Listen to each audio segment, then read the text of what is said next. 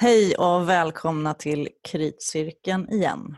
Den teaterkritiska podcasten med mig, Cecilia Djurberg och Loretto Villalobos. Vi har döpt det här avsnittet till Stormen och vreden för eh, igår kväll när vi skulle se en föreställning av Stormen som sändes online så kom stormen även till Sverige.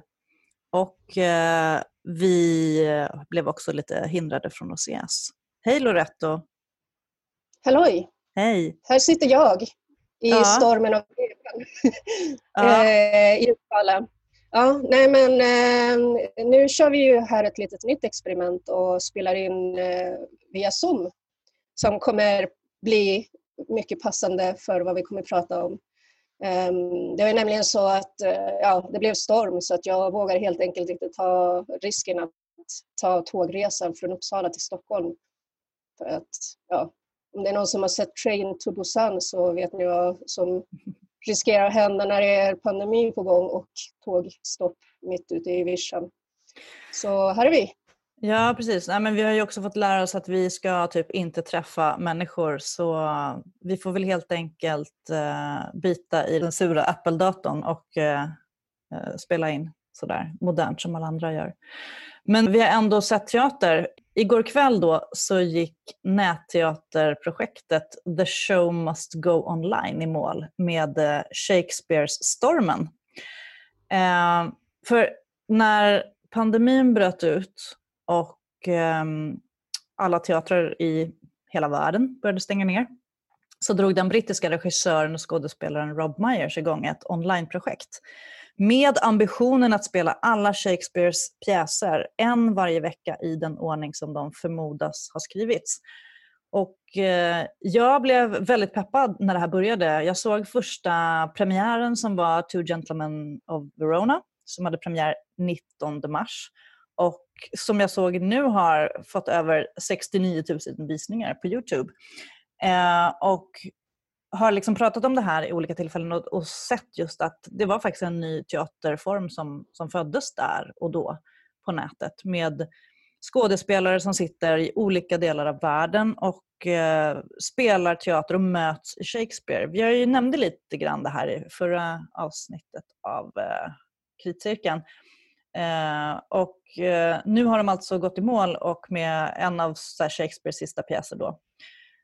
Loretta, har du sett någon av de här uppsättningarna tidigare? Nej, utan det var ju faktiskt eh, tack vare dig att du pratade om det förra veckan när vi sågs ehm, som jag blev eh, uppmärksammad på att det här pågick. Så att jag var väl liksom mest, eh, för att hela, hela liksom, alla inspelningarna ligger ju som en spellista på, på Youtube. Mm. Ehm, så eh, då har man liksom kunnat gå och titta tillbaka och sådär. Och det jag tyckte var också så här väldigt intressant i och med liksom att det är ett, ett globalt projekt är också att eh, eh, deltagare från hela världen bjuds in för att liksom ge olika perspektiv på dels på världsläget men också dels på, på hur man kan eh, ja, koppla an till Shakespeare beroende på liksom olika sociala, politiska och akademiska kontexter. Så jag tycker det har varit superspännande och att det finns, liksom, att det finns en, som liksom den här banken av, eh, av Shakespeare på nätet. Det, alltså det är ju liksom som vilket Zoom-möte som helst där du har liksom rutorna med de olika deltagarna fast de är, är, spelar ju liksom olika roller. Så att de sitter liksom i sina kök, sina sovrum, i sina vardagsrum och eh, spelar teater. Fast det liksom, på det ligger liksom en nivå av produktion som till exempel öljud, så här, vågor som skvalpar, eh, lite så här, ett litet musikspår som ligger under liksom, som, som på något sätt knyter ihop de här eh, olika rummen som de olika skådespelarna sitter i i olika, i olika delar av världen. Eh, här, eh, samstämmighet kring till exempel hur man gör med ljus, hur man gör med, med rekvisita. Alltså, Mm. så det är, liksom, det är en väldig produktion fast det liksom är ett Zoom-möte, Mm. rent krasst vad ska vi säga om, om stormen då? Den hör ju till Shakespeares sagospel.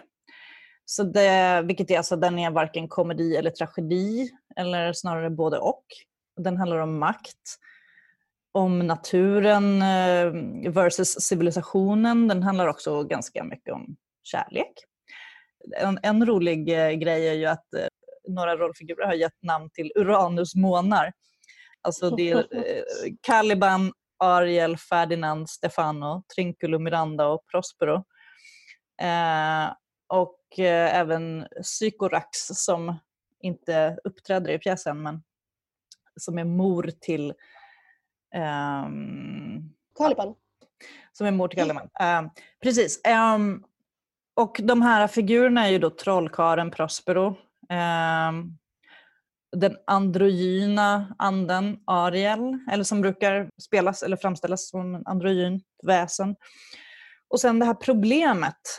Ett, Shakespeare har ju några återkommande problem som blivit i modern tid, men just det här koloniala monstret Caliban som alltid liksom väcker frågan om etnocentricism och eh, rasism. Eh, så, så, hur hanterar de det här nu i den här uppsättningen, tycker du, Loretta? Du pratade om det, skådespelare från hela världen. Det syns? Ja, precis. Ja, det gör det. Um, jag för mig att uh, Prospero är en uh, skådespelare bördig Hawaii men uh, verksam i Stratford, Kanada.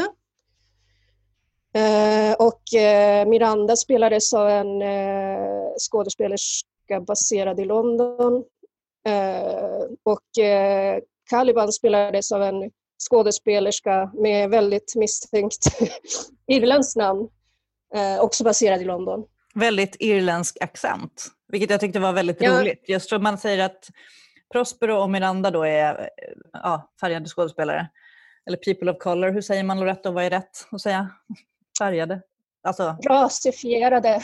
Ja, rasifierade. Ja, men rasifierade som icke-vita tror jag att eh, benämningen är på svenska.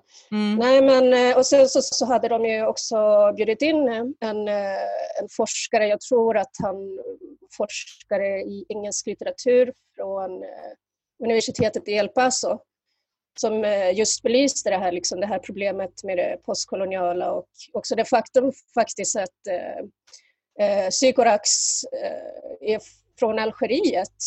Ja, precis. Och det, säger de, och det säger de ju till och med i pjäsen. Mm. Eh, så att det, det, finns liksom någonting som, alltså, någon idé om den, liksom, om den farliga araben mm. inbakat här.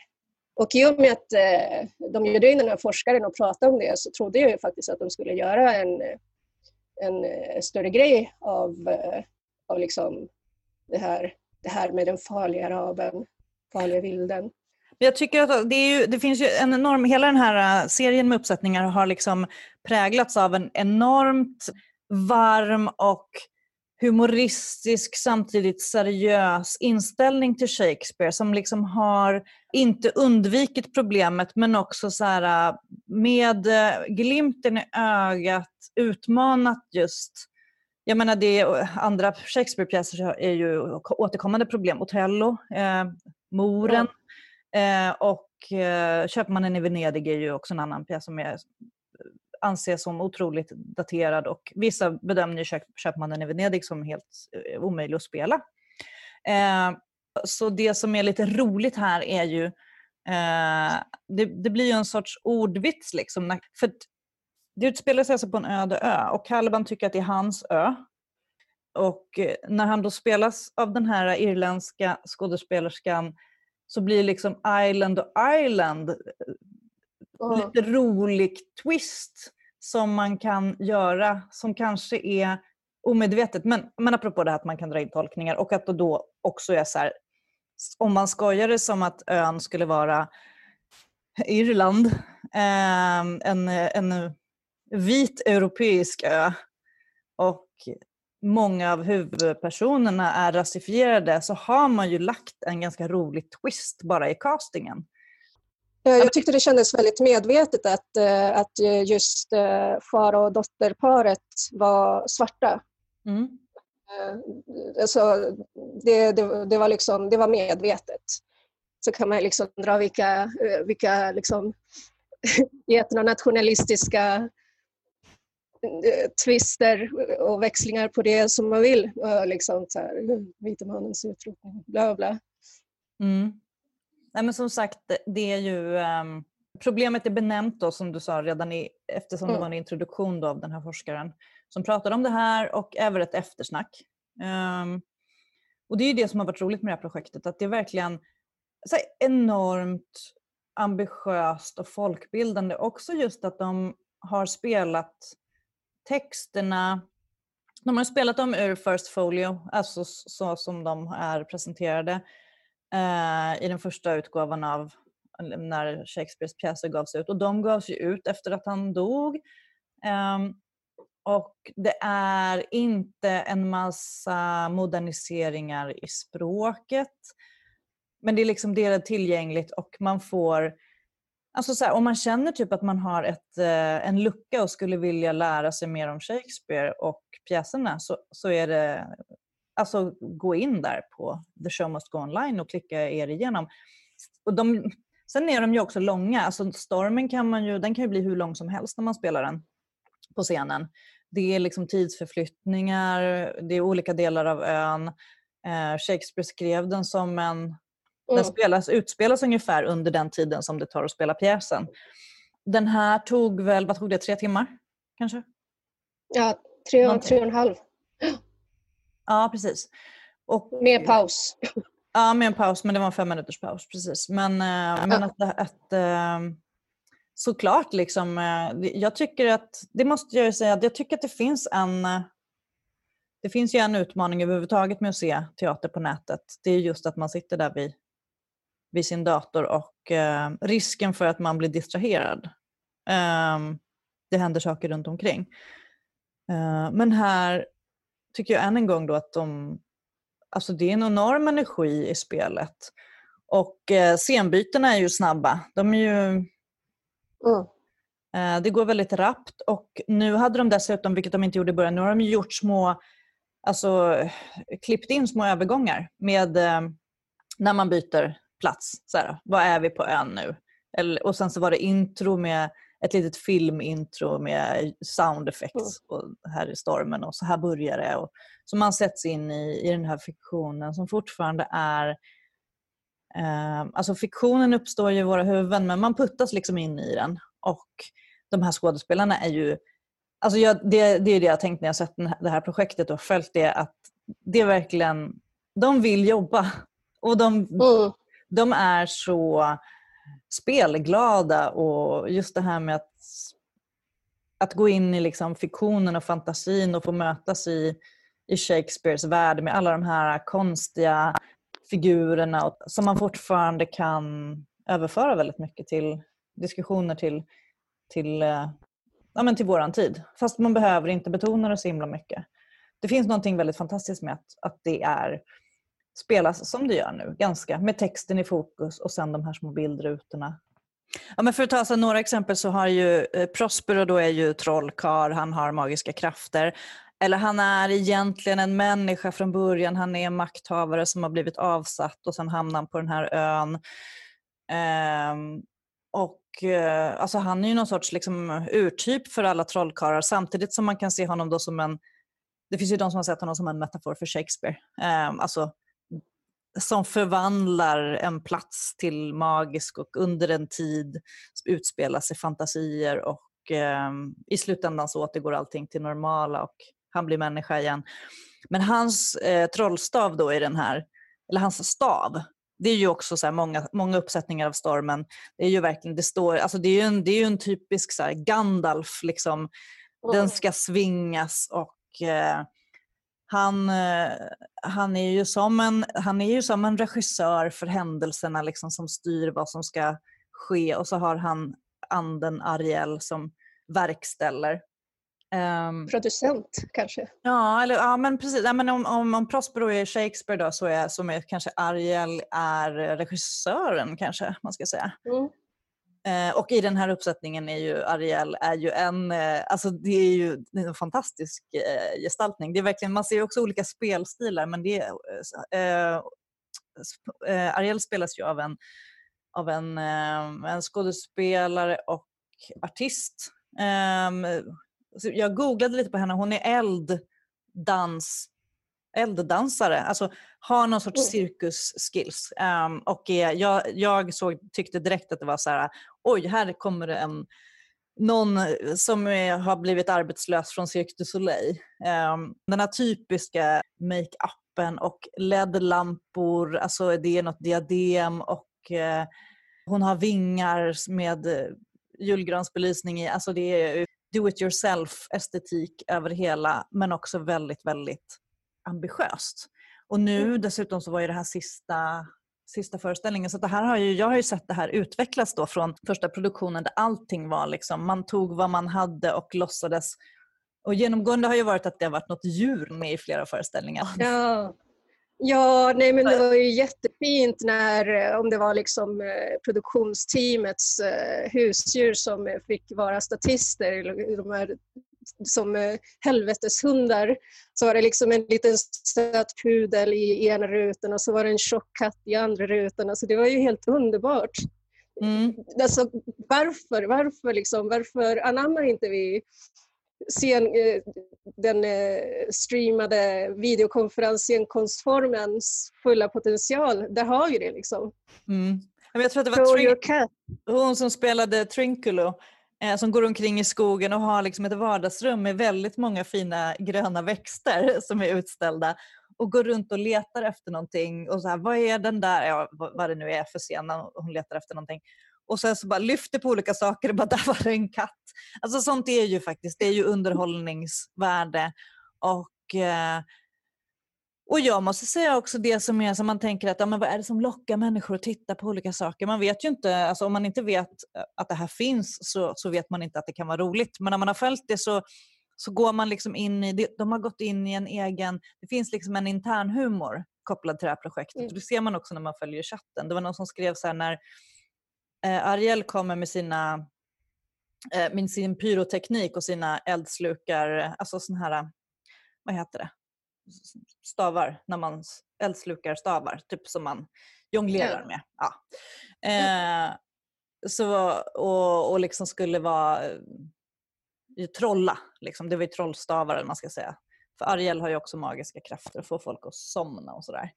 Eh, så var det någon som skrev så här, men det där hade ju varit två pinnar med marshmallows i någon av de första uppsättningarna och typ såg hur mm hur ambitionerna har höjts och höjts och höjts. Det, jag tror att det har blivit lite som att de genom det här äh, projektet på liksom 40 veckor eh, har, äh, ska liksom bräcka varandra eller så här, göra lite bättre och dra det lite längre för varje produktion. Så det, det tyckte jag var väldigt roligt. Också med. Och sen så var det, fanns det också en, eh, i och med att det var sista produktionen och allting skulle gå i mål så blev det en sån här, jag vet inte om det har varit på när man har varit på sista föreställningen på någon uppsättning överhuvudtaget, då finns det ju en så lite speciell festkänsla.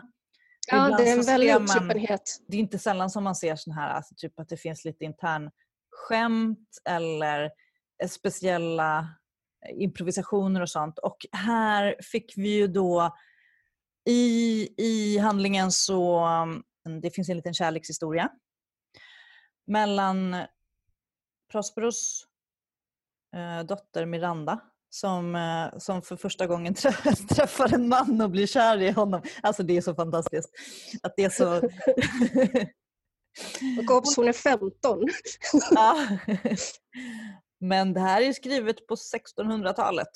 Eh, tidigt 1600-tal. Eh, och det var en annan tid och man får tänka om. Eh, men ehm, Ferdinand va, är de blir kär i.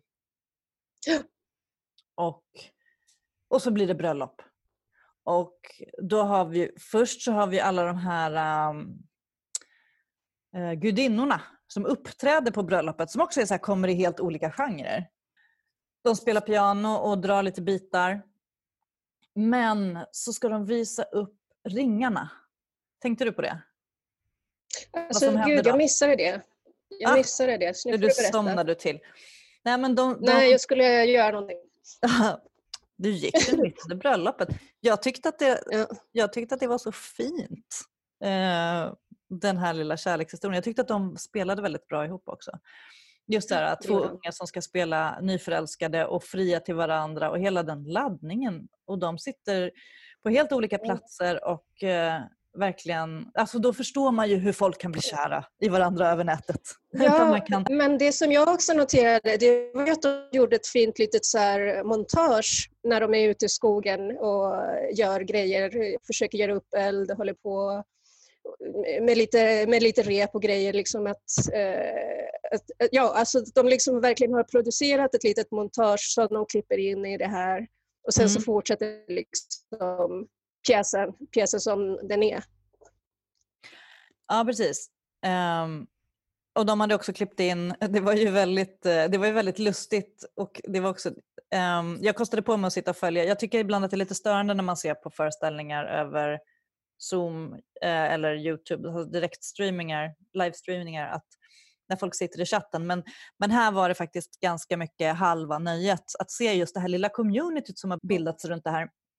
Eh, som var otroligt eh, förbryllade när det var en, en skådespelare som dyker upp i två roller samtidigt i bild. Så bara, hur gick det till? Det var verkligen så här, ja, men det blev lite teatermagi. Man vet ju så här, teknikens under, det är klart att det var förinspelat, men det var så oväntat. Bara, hur, bara, vänta, så här, se dubbelt, vad är det som har hänt? Vilken är den riktiga? Så här, can the police stand up the real Ian eller vad han hette. eh, ja. Väldigt, väldigt roligt. Naturligtvis så tror jag att kanske inte att de som spelade hade riktigt tid att titta i chatten, eller kanske lika bra. Men, men det, är också, det måste jag säga, det, var en väldigt, det är en väldigt vänlig, vänlig chatt. Eh, otroligt mycket kärlek och otroligt mycket spontana applåder och sådär. Men det, skulle, det, jag skulle säga var det som var liksom, eh, lilla påskägget då till, eh, eftersom det var sista produktionen, var det här bröllopet som jag pratade om. De ska alltså uh, visa upp, de visar upp uh, vigselringarna uh, som de naturligtvis har på den här öde ön. Uh, men ja, så visar de upp dem för bröllopsgästerna och då, är, då dyker det upp skådespelare i roll från alla de tidigare produktionerna av The Show, uh, The Show Must Go Online. Så att de visar upp och hela den här äh, som, som har varit så fascinerande hela tiden, hur man lämnar över rekvisita över skärmen med den där tajmingen. Eh, då har alla liksom ah, men det, det, finns en väldigt fin känsla för timing och också just att de knyter ihop hela projektet genom det här bröllopet så det blir liksom en Sagan om ringen går i lås. Nej men eh, en, en, en cirkel ja, det finns ju himla mycket mm, här, symbolik i det där. Att de, de gifter ihop hela projektet och de gifter ihop de här eh, de, de gifter sig i föreställningen och sen så småningom också, i och med att det också slutar med att Prospero efter att han säger sin bevingade replik We are, the such, we are such stuff as dreams are made on and our little life is rounded with a sleep så eh, är det ju som att liksom Alltså det, är ju, det är ju en metafor över hela livet och också teatern, att teatern tar slut ja, teatern. på slutet. Eh, teatern och livet det liksom går ihop. Och eh, nu slutar allting och vi ska liksom gå och sova. Och det finns ju någonting väldigt sorgligt i att pandemin, jäveln fortsätter och vad ska vi göra nu? Liksom? Nu har de spelat sig igenom hela, alla Shakespeares pjäser. Vad ska de göra nu? Eh, men också vad ska vi göra nu? Liksom? Vad ska publiken göra nu? Vi bara trodde att det var över, men det pågår. Um... Nu är det ju mer stängt än någonsin. Nu är det, liksom, nu är det verkligen dö. Alltså, nu är det kört, kört. Mm. Men det, jag tycker ändå, jag ser ändå att det finns äh, lite hopp. Um, när man ser såna här föreställningar. Alltså, det är ju, det är ju liksom, det är ju verkligen, det här är ju Zoom-teater, det här är alltså otroligt välproducerat, det är proffsigt och det är i alla de här uppsättningarna så har det varit några som har varit amatörer och några professionella men allting har varit mm. extremt professionellt. Och det har varit liksom framstående skådespelare från olika delar av världen som har gjort att man har fått chans att se eh, teaterskådespelare, för det är ju faktiskt en nackdel med att vara, sitta i Sverige och uggla. Att man får se de eh, stora skådespelarna från olika länder som når, kommer till Hollywood filmproduktionsnivån, eller vill dit överhuvudtaget. Mm. Men eh, de lokala kändisarna, alltså för teatern är ju lokal. Och det är ju sån fantastiskt skådespeleri här. Ja, definitivt. Jag, jag fastnade jättemycket för uh, David Collins som spelade Prospero. Som hade liksom en uh, närvaro som påminner lite grann om uh, Earl James Jones. Um, kanske lite hesare i rösten. Mm.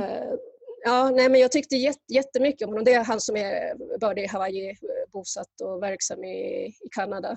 Mm. Ehm, så att honom, vill man, honom vill jag definitivt se mer av. Mm. Absolut. Ja, jag tyckte också att han var jättebra. Ja, men däremot så tyckte jag, jag måste säga, jag tyckte i början hade jag, alltså man har ju höga förväntningar på Prospero. Liksom. Man vill ju typ att det ska vara en stabil Keve Hjelm liksom, som är, alltså det ska finnas en pondus och det ska finnas en, eh, det där inre tvivlet och alltihopa. Men jag tyckte att han liksom i produktionen precis i början, att han kändes stel. Eh, att han inte riktigt hade landat i vem, alltså i sin, alltså i sin röst och sitt tilltal, i sin energi. Men jag förstår ju absolut att det måste varit otroligt svårt. Alltså Prospero är en enormt stor roll. Eh, som kräver, alltså det är han som liksom leder väldigt mycket av spelet. Eller man ska säga, han är ju... nej, men, men, men jag, jag menar, tror att det kan ha mycket jag tror att det kan ha mycket att göra med det faktum att eh, David Collins faktiskt har spelat Prospero på scen. Eh, väl, alltså det är liksom en av hans paradroller. Mm. Eh, så att det måste liksom ha blivit alltså det, ja, någonting i överföringen från scenen till stå framför datorn. Ja men absolut. Liksom...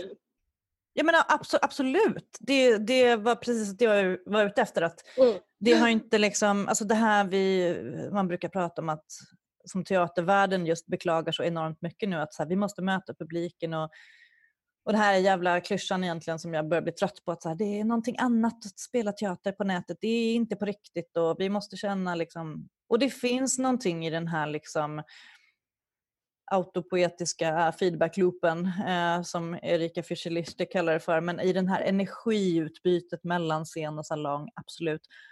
Och eh, jag ska kunna tänka mig också att, jag menar han är ju också en äldre skådespelare, vad kan han vara liksom i för ålder, 60-årsåldern? Eh, jag tror någon... att han är född 60, 62 eller någonting sånt. Gud vad jag googlade på honom. mm. Ja men, eh, ja. ja. men kul. Ja. det är så kul när man upptäcker nya, eh, ja. nya favoriter. Men, mm. men att eh, naturligtvis, jag menar, vad, vad vet vi om, liksom, det här kanske var hans första Zoom-teaterföreställning, men det är ju för många som tittar så är det ju första gången. Eh, man ser teater på Zoom så är det inte så konstigt. Jag menar, skådespelare är ju tränade att antingen spelar man inför en publik eh, med riktiga andra människor på scenen eller så spelar man i en kamera eh, och framförallt inte direkt live ut. Men alltså, de har ju knappt tid på sig. Det, eftersom det här projektet har pågått och de har kört en föreställning i veckan så har det varit väldigt, väldigt kort produktionstid. Jag fattar det som att de typ knappt har repat jag tror inte att de har, liksom, de kan ju inte ha några publikgenomdrag inför publik. De har ingen aning om vad det ska bli utan det är verkligen, alltså det är verkligen eh, sätta ihop bitar eh, i direktsändning. Så att alla har ju fått öva. Okay. Och märk väl att det, alltså de läser faktiskt inte till utan de, eh, de spelar, alltså de, eh, de kör utan till också. Mm. Jag tror att vissa har text. Eh, det, det, man ser, det ser lite olika ut. Men, men också den här liksom... Men det finns ju en massa åtbörder som ska göras. Det finns liksom... De ska somna. Hur gör man mm. det? De ska bli förtrollade. De ska växla liksom. Och det är ju... Ja, men det, ja, eller liksom så här i, i första scenen. Alltså det är ju, de är ju på skeppet och det är storm. Mm. Ja. Och då är det liksom, och då har de eh, alla i sina kameror har liksom så här regndroppar på, på skärmen. Ja, det, det var liksom, så fint! Och det, och det, är så mörkt och de sitter där och liksom skakar lite på, på sina datorer så att det ska se ut som att det liksom är stormigt. Mm. Alltså, bara sådana där grejer. Så, ja, men det, nej, men, alltså, det är ju en kreativitet som är, eh, jag vet inte om du någon gång har varit med när man har gjort, spelat in eh, radioteater. Men det liksom finns ett så här, eh, enormt eh, lekfullt moment med att göra ljudeffekter med olika saker som man har i skafferiet. Allt det här från man gör snö mm. av potatismjöl och liksom skramla med saker och det här kan låta som det är och så blir det liksom, bygger man upp en hel fantasivärld och nu har man ju då tagit den liksom och jag menar det är ju många teatrar som jobbar så överhuvudtaget. Mm. Alltså så här, det här, jag leker att det här, den här liksom diskborsten är en ett svärd. Liksom. Ja, ja, och den överenskommelsen som man gör, eh, den är absolut teatral. Det är, liksom det är någonting som faktiskt är väldigt teatralt med det här eh, sättet att göra content på internet. Men, ja. ja, men definitivt. Alltså mycket av den här, de här teknikerna när man för över rekvisita från en part till en annan. Det är ju, det är väldigt mycket, TikTok jobbar ju väldigt mycket så, liksom att det sitter folk från hela världen och kör någon koreografi och sen skickar de vidare en sminkborste till varandra. Fast ja. de liksom är, ja.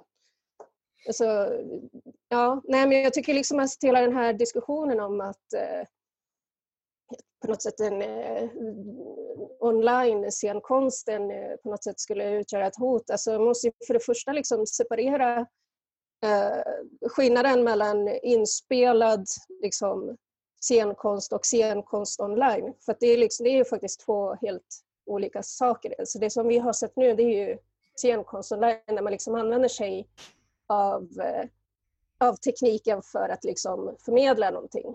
Mm nu låter vi så himla hyllande och glada över det här men jag tycker jag är väldigt, väldigt eh, begeistrad i den här i hela det här projektet, teaterprojektet.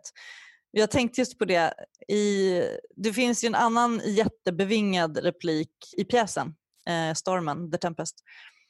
Den här Miranda, när Miranda säger, egentligen så är det ju lite ironi i det, eh, men hon säger någonting så här, oh brave new world that has such people in it. Uh, vilket jag bara känner så här, med hela den här produktionen. Bara, alltså, brave new world med teatermänniskor som, som gör den här saken. Ja. Även om det, liksom är, det finns ett ironiskt syfte det, i det. Men uh, det, det tangerar ju, liksom, den här repliken har ju uh, inspirerade ju Aldous Huxley som snodde den till ja, sin roman. som handlar om, Mm. Ja, vad den handlar om? Jo, men den handlar om genmodifierade människor och där har de ju också, alltså, skulle jag vilja säga liksom att den eh, stora kopplingen är väl att de också har en vilde eh, som inte är genmanipulerad som de hittar någonstans och tar liksom till den här till den här väldigt konstlade civilisationen och det blir liksom eh, konflikt där. Så att jag vet, ja, nej, men liksom att man kan se på något sätt ett, ett växelspel mellan det eh, liksom människa människans kultur och natur på något sätt. Det, det är skapare och det är naturgivna. Mm. Men och hela fasan, eller man ska säga rädslan för eh, vad den nya tekniken ska åstadkomma för eh, katastrofer eh, finns ja, också. Men... Liksom, hela framtidsdystopin har vi ju hela liksom, rädslan för robotsamhället och är det så, alltså jag tycker, jag menar, apropå igen så här, Miranda, men Brave New World, jag menar, är hon, alltså, eller Shakespeare kanske var ironisk, men, men eh, med att de här människorna kommer till hennes ö, men, men det, det, är ju någonting som är väldigt fantastiskt tycker jag med att de här uh, teatermänniskorna kommer in i min dator. Att det nu när vi liksom behöver kulturen så, så kan jag sitta och ta del av jävligt kunniga människor som är väldigt kreativa och hittar det istället för allt annat. Det finns ju liksom en massa annat mm. skräp på den här ön, internet. Um, Nej, men precis. som ja, men, eh, så, så tesen är då att eh, online-teatern är vår tids Caliban på något sätt. Ja, men kanske. Vill, ja. Vilden. Jag tyckte också att hon som spelade Caliban, det måste vi prata om lite grann. Ja. Um, Dorian May White. Um, jag tyckte att hon, hon hade ju också gjort en, hon är väldigt så här, hon har ju ett uttryck, hon är väldigt, har ett väldigt så här storökt eh, liksom eh, ömkansvärt uttryck som jag bara, jag relaterar, jag tror jag skrev till det, bara, det är Gollum med irländsk accent. Eh, just det där att man som har, och det, det slog mig just nu, naturligtvis så, så finns det ju säkert, eh, jag menar, Tolkien har säkert läst Shakespeare.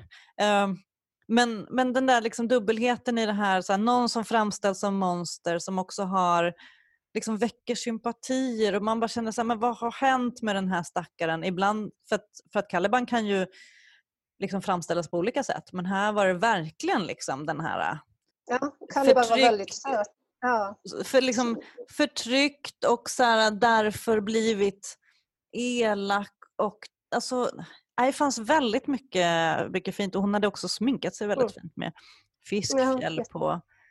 Alltså jättefina ja. makeuper. Um, ja, men hon kändes väldigt mycket som att hon var en slags antites till eh, Ariel i sminket. För Ariel hade också det här fiskfjäll ja. Eh, i makeupen. De måste jag ha pratat innan de gick till skolan, så kände jag. Ja, ja men precis. Men så, så tror jag. Men ja, vi måste ju säga någonting om Calibans Queen-fylla. Det var ju faktiskt...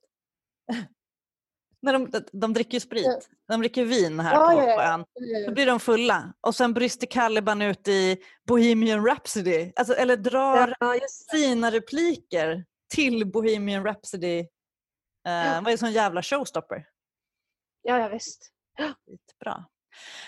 Ja, men, eh, men absolut, så uh, lyssnare, se den. Man hittar den på Youtube. Um, uh, The show must go online och um, Shakespeare samlade pjäser. Men det är ju så lyxigt att det finns. Ja. ja, det är så jävla lyxigt. Vad, nu när vi ändå pratar om vad man kan se, har du någonting som du ser fram emot nu som ligger i, som du vet ska sändas? Loto? Ja, eh, Folkoperan kom eh, precis ut med att de ska köra sin eh, Tristan och Isolde. Mm. Streamat eh, 27 till och med 29 november. Okej, okay, så det är bara några eh, dagar? Ja, precis. Så det eh, gör man nog klokt i att försöka hinna kolla för jag hann inte se den på scen. Och sen så vore, det också kul, och så vore det också kul att passa på att hinna se Falstaff på Malmö Opera. För där har hon ju faktiskt gjort Zoom-konferensen till ett rum i scenrummet. Så det skulle vara kul att se hur de har överfört det till liksom, ja, online-version. Mm. Så att säga. Så det tänker jag försöka kolla, kolla upp i dagarna som kommer. Ja, jag tänkte försöka se Alexander Ekmans Shift Kakti eh, dans från Kungliga Operan. Den kommer ut i helgen tror jag. Eh, den ser jag fram emot. Vi får se vad vi pratar om nästa gång. Men eh, tack så mycket Loretto för att du ja, kopplade upp dig och pratade med mig igen i kritcirkeln. Eh, tack så mycket för att ni har lyssnat. Vi hörs snart igen.